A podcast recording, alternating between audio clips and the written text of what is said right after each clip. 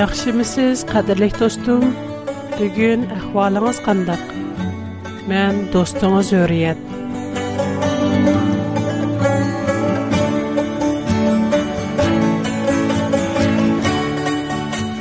Қадірлік достым, бәзіде сіз Құдадан гуман қыламсыз.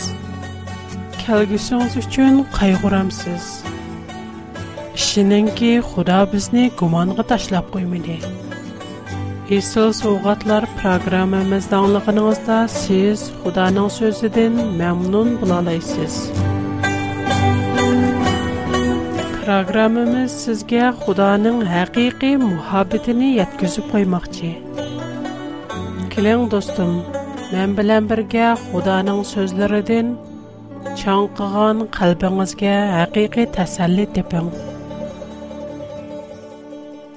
قەدىرلىك دوستۇم بۈگۈنكى پىروگراممىمىزدا سىز بىلەن مۇنداق بىر تەس سوئال ئۈستىدە سۆھبەتلەشمەكچىمەن ئەگەر خۇدا بار بولسا ئەگەر خۇدا مېھرىبان شەپقەتلىك بولسا نېمە ئۈچۈن بىگۇنا بىر ئادەم تەس ئەھۋالغا ئۇچرايدۇ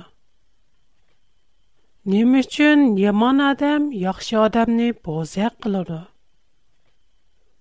Әгәр Худа бар булса, ни өчен ул шундый булышыга рөхсәт бирде? Навада Куран Кәримнең беренче бетен ачсак, беренче сүре, беренче аятыла, "Найти михребан шәфкатьлек Алланың номы белән башлыйман" диелгән. Найти михребан шәфкатьлек Худа шундый яман, адалсыз, хөркүнүшлек Hatta urush və açarcılığa ruxsat versə, o qında xuda. Yaxında bir dostum məndən, "Xuda inancılılıq mı? Onunğa təyinışq bulandı?" dep soridi. Onun etici o hazır intayn qəncilikçidə qalğan bulub, heç kim onunğa yardım qala olmayır mən bu dostumğa Мәсәлә Худадымы яки сездымы дип сорадым. Хәле көп адам бар. Интайын кыенчылык чидә калган. Баш вакыт намаз окуйдыган тәкъвадар бар иде. Дада Ишҗан самими тәкъвадар адам ва ана кемсез чаккан ихласмен аял иде.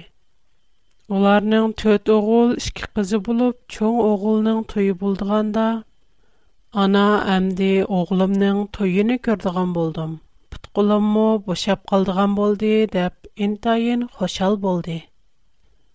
Дастыханға той еші тартылып, әмі адам қошал қорам тамақ яуатқанда, Анының меңісіге тұйықсыз қан түшіп, шу майдандыла өліп кетті. Балалар техи кичек, аны йоқ. ئاتا چوڭقۇر قايغۇ ئىچىدە ئىدى. بىر نەچچە يىللار ئۆتۈپ، چوڭ ئوغۇلنىڭ بالىسىمۇ خېلى چوڭ بولۇپ قالدى. چوڭ دادا نەۋرىسىنى بەك ياخشى كۆرەتتى. ئەمما بىر كۈنى نەۋرە ئوغۇل تاغلارغا ئەگىشىپ كۆل بويىغا بارغاندا تۇيۇقسىز سۇغا چۈشۈپ كېتىپ ئۆلۈپ قالدى. پۈتۈن ئائىلە يىغا-زارى قىلىشىپ Нәуру оғылның нәзіріні узадди. Бір кіни бұ апэтлер тихи бесхмай дүріпла, Йені бір іш юз бәрді. Бұ айлының үліп кеткен аныға күйіп ұйғандыг Охшаш өскен, әті варлыг чон қызи, Али мектапның чакыры қағызынин тапшыру алғанда Хушалықи ічіге патмай Qiz oliy maktabga yo'lga chiqishning oldingi kuni do'stlari, savog'doshlari bilan xo'shlashish uchun ularni yo'qlab bordi. Qiz intayin xushal edi. Shu kuni u ko'p do'stlarini yo'qlab kech qoldi. u uyiga velosipedlik qaytib ketayotganida bir traktor uni so'qivatdi Андын шопор кызның ерем булып калганлыгын көрүп, уни кайта бастырып өлтүрүп атты. Дада каттык алемдә орын тутып етип калды. Улар арам тап алмайды. Калган 3 бала техи кичик, атыны дәвалатыш үчүн докторга көп пул түләш керек. Бичар балаларга ярдәм бердиган адам юк. Ular taza gangırap durganda bir günü qaq düşdü. Bu ailenin açlıq ambırğa tuyuqsiz ot getdi. Adamlar saq qalğan bolsumu, amma bir neçə eğizlik öylər bütünlay kuyib külgə aylandı. Ахыры қаттық хәсрәткә толган дада бу дөнья белән хошлашты. Арқыдылла чоң оғыл еғір кеселге гіріптар болды. Оны давалытыш үшін көп пол керек. Бірақ қалған балалар техи кичик. Уларны кем бақыды? Кем уларға ярдам қылып, доктор пулны төлейді? Худа бармы? Қалған балалар жиғылап қақшыды. Өз айлесті жүз берген бұл тегеге тегіге етелмей ғанғырап қалды. Оларның қаласы да пәкәт. Немі үшін бұл апәт бізнің аилемізге келді. Немі күнахимызға Құда бізні шындақ жазалайды. Ата-анымыз мөмін адамлар – Даим саваплик іш қилип тұрды. Үшри сакат бұрды. Хар яман адамлар хошал күлип юрійды. Немі чун пэргат бізли жығлаймыз. Худа адыл му? Худа бізнің халімізді көрмэмді, бізге іш чагыртмэмді? Худа раст бар му? Дегендек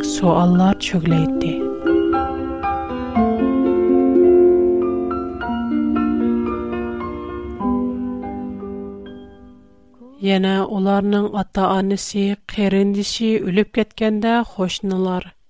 Уларның җенене Худа алды диде. Яна базлар мошу аилә сытқы билдермәй ичидә яшырун, кечергесез бер гунах кылган гәп. Шуңа Худа уларны язалады деп кусылдашты. Бу раст Худаның ишеме? Mihraban, şefkatlik Allah özünün bir aciz bendisinin jenen alsa ve ailede ballarını baqadigan adam yoq, bek biçare bolsa, bu Xudaning iradasi mı?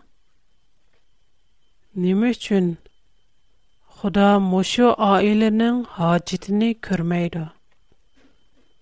Nə var da Xuda bir sağlam adamnın jenen alsa Қалған айла азалары хамеси пек бичар болса, Қуданын iç ағыртыш йоқ му? Шуға миниң суалим, достурум, әгер раз бар болса, Ними үшчүн Қуда яхши бигуна адам, Я ки джинает үткізмиген адат кедек яманамас адамге, yomon ish yuz berishiga ruxsat berdi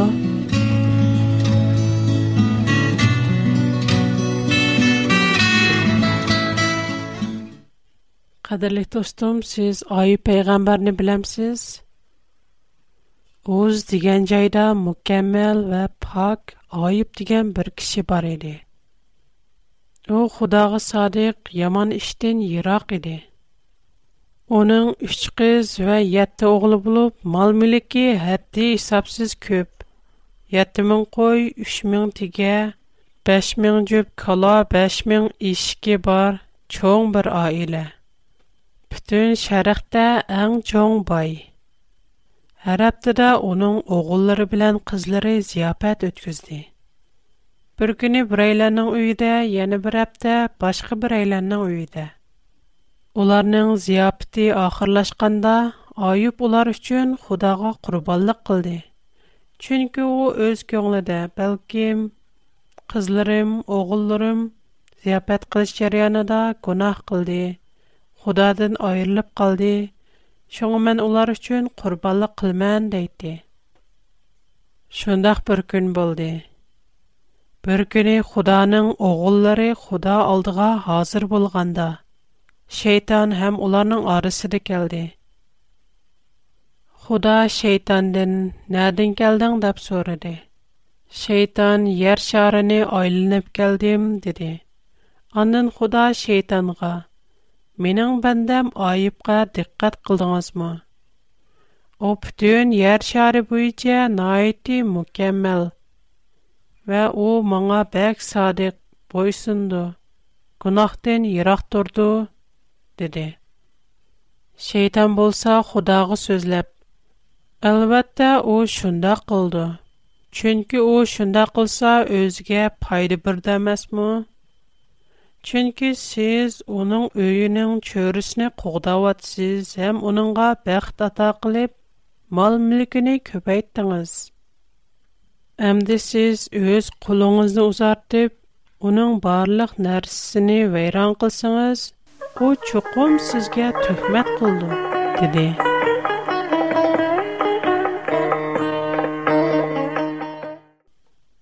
Сезнеңчә, достым, Әмдә ними эш үз бирмәкче? Ойупның әхваллыга карап та кайлы. Шайтан Худадан рөхсәт алып чыгып кеткәннән кин, бер көне Ойупка шул хәбар Кала ва ишекләр сибаллар тәрпидән булап кетелде. Адамлар өлтүрелде дип бер хәбәрче тәрпидән хәбәр келде. Аркадалла яны бер хәбәрче Худа асмандан ут төшүрүп, койларны ва хезмәткәрләрнең һәммәсене көйдүрүп әтте дип хәбәр берде. Мошу хәбәрнең аркасыдан яна килдәлләр تۆگىلەرنى bulab, ئادەملەرنى ئۆلتۈرۈۋەتتى دەپ yana bir خەۋەر چىكەلدى ئۇلارنىڭ خەۋىرى تېخى تۈگىمەي yana bir ئېچىنىشلىق خەۋەر كەلدى ئايۇبنىڭ ئوغۇللىرى ۋە قىزلىرى چوڭ ئاكىسىنىڭ ئۆيىدە زىياپەت قىلىۋاتقىنىدا جاڭگالدىن قاتتىق بوران چىقىپ ئۆينىڭ تورۇسى بالىلارنىڭ ئۈستىگە يىقىلىپ بالىلارنىڭ ھەممىسى ئۆلۈپ كەتتى ناۋادا دوستۇم Қазыр сіз дэл айыпның орныға алмиш бүлған болсыңыз. Қында қылаттыңыз? Герче айып мүшіндах чоң апэт күчірған болсы мү? Оның сөзі пақэт «Худа бәрді, худа алды». Худаның намиға «Хамди сана болғай» дигенден ибарат болды. О чонча галете ва киен опат ичде кылгандым, яна ла Худога булган содиглыгыны саклады.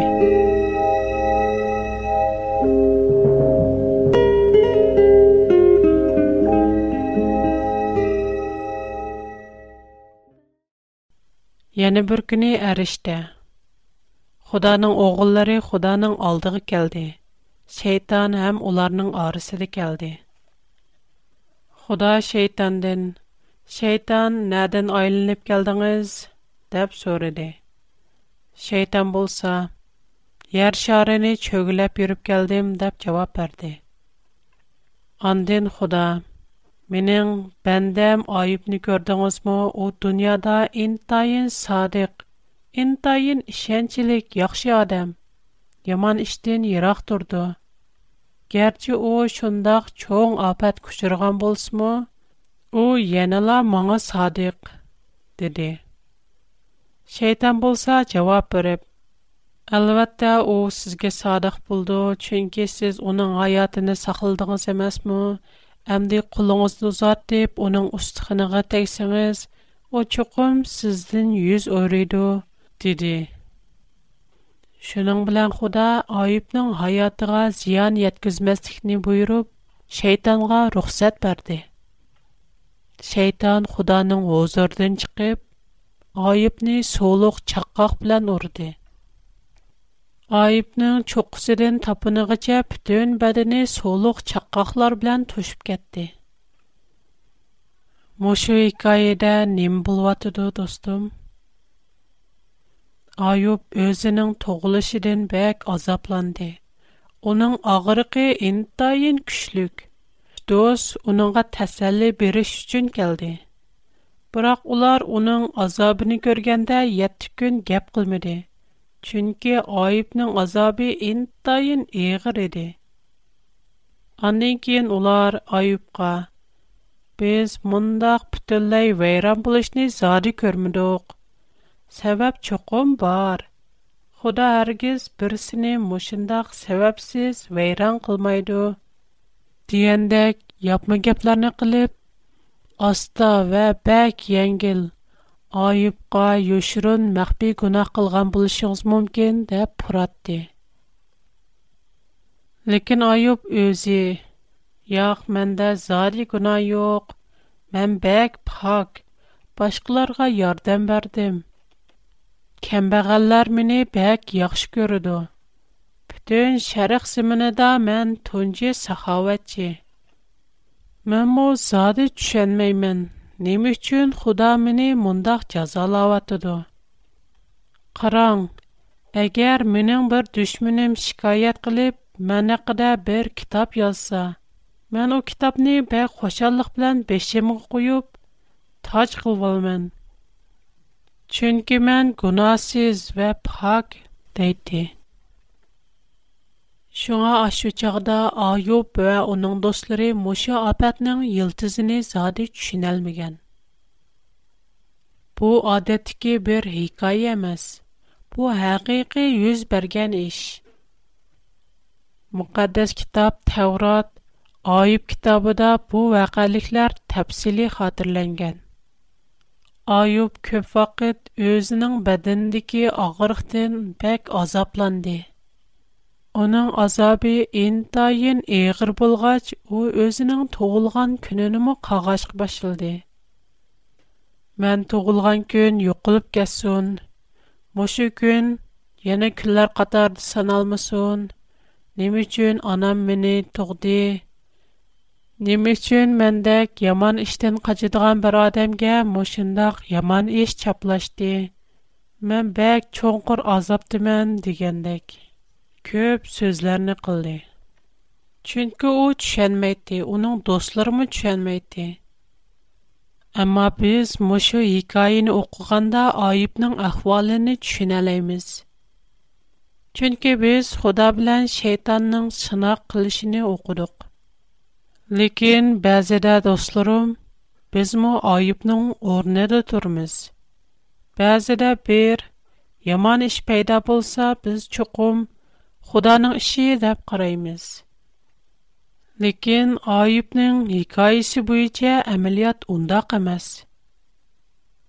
Әмәлият мошу кыенчылык шайтанның отырыгы куышы сәбәбеннән пайда булган. Программа ахырда достумга адресимni deb bermoqchiman.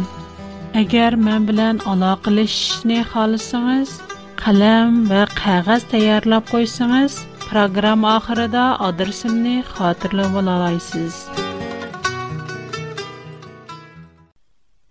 Xudo bek ojizmi? Yo'q. Amsa Xudoning sababi Нима Nima uchun?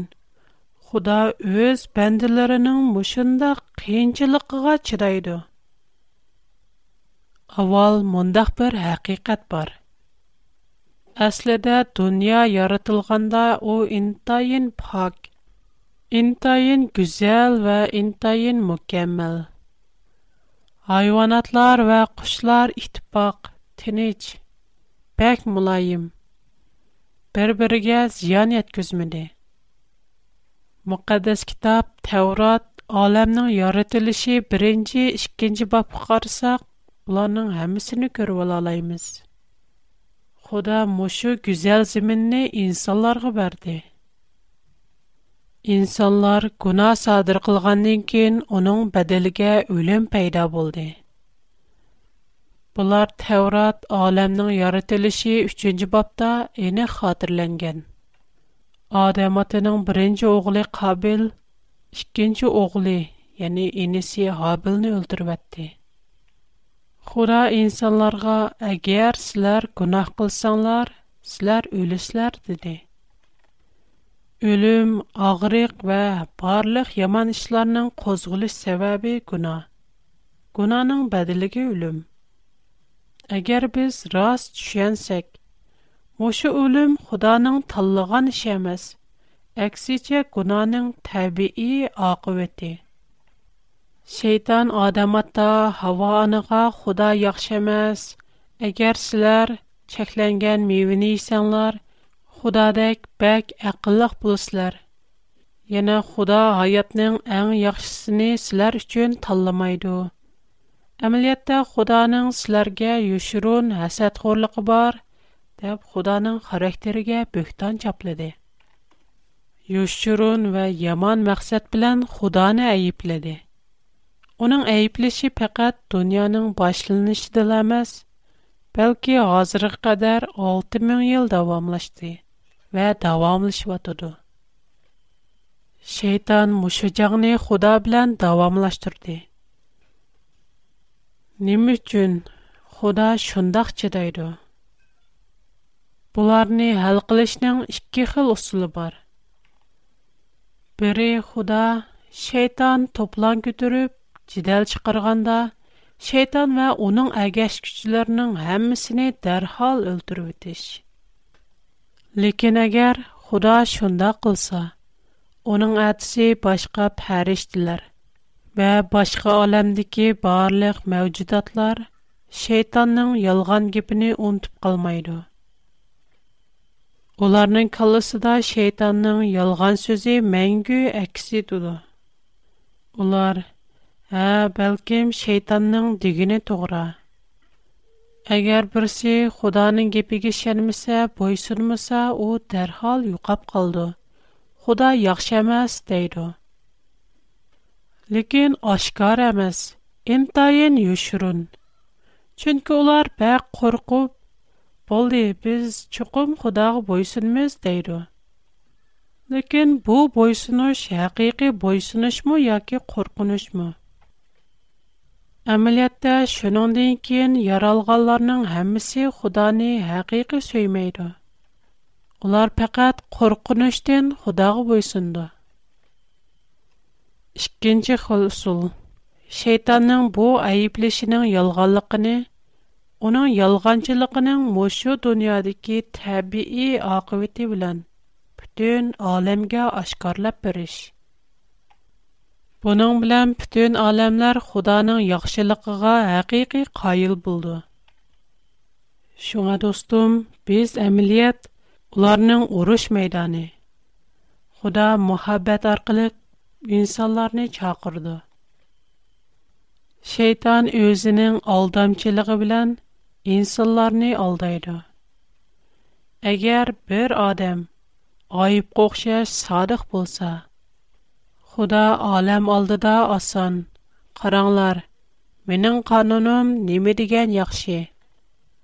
Mening qanunum qı boysunğan və mağa ağaşkanların xarakteri nime degen yaxşı, nime degen sap? Meyli ularga qandaq sınaqlarni taşlıvəsəkmo çataq yoq. Олар дәвамлык бойсынды диялайды.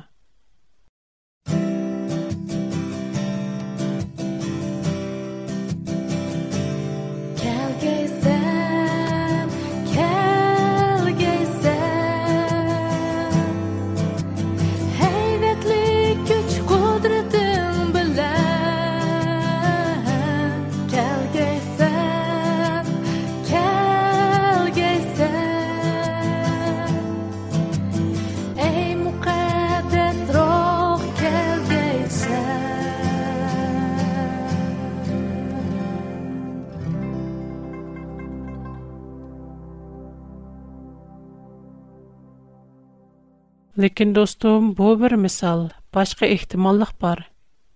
Бәзі де бір адам айып тек гунахсіз амаз, бәлкім гунахкар. Лекин, оның азабының мәнбәсі чоқым худа данамаз шейтандын келген. Бірсі башқы бірсінін боза қылды. Ким оныңа шындақ илхам бірду? Алватты худа амаз. Бір кисел пайда О нәдән педән булган. Гунаның бәдәлегә кесел өлем, қатарлык азап бар. Худаның нишане бүтән әлемне özенең кануны, ирадәсе буенча буйсындырыш. Албатта, һәммаятлык Худаның ирадәсенең әгәше дә. Ләкин мәҗбүр ئەمәс.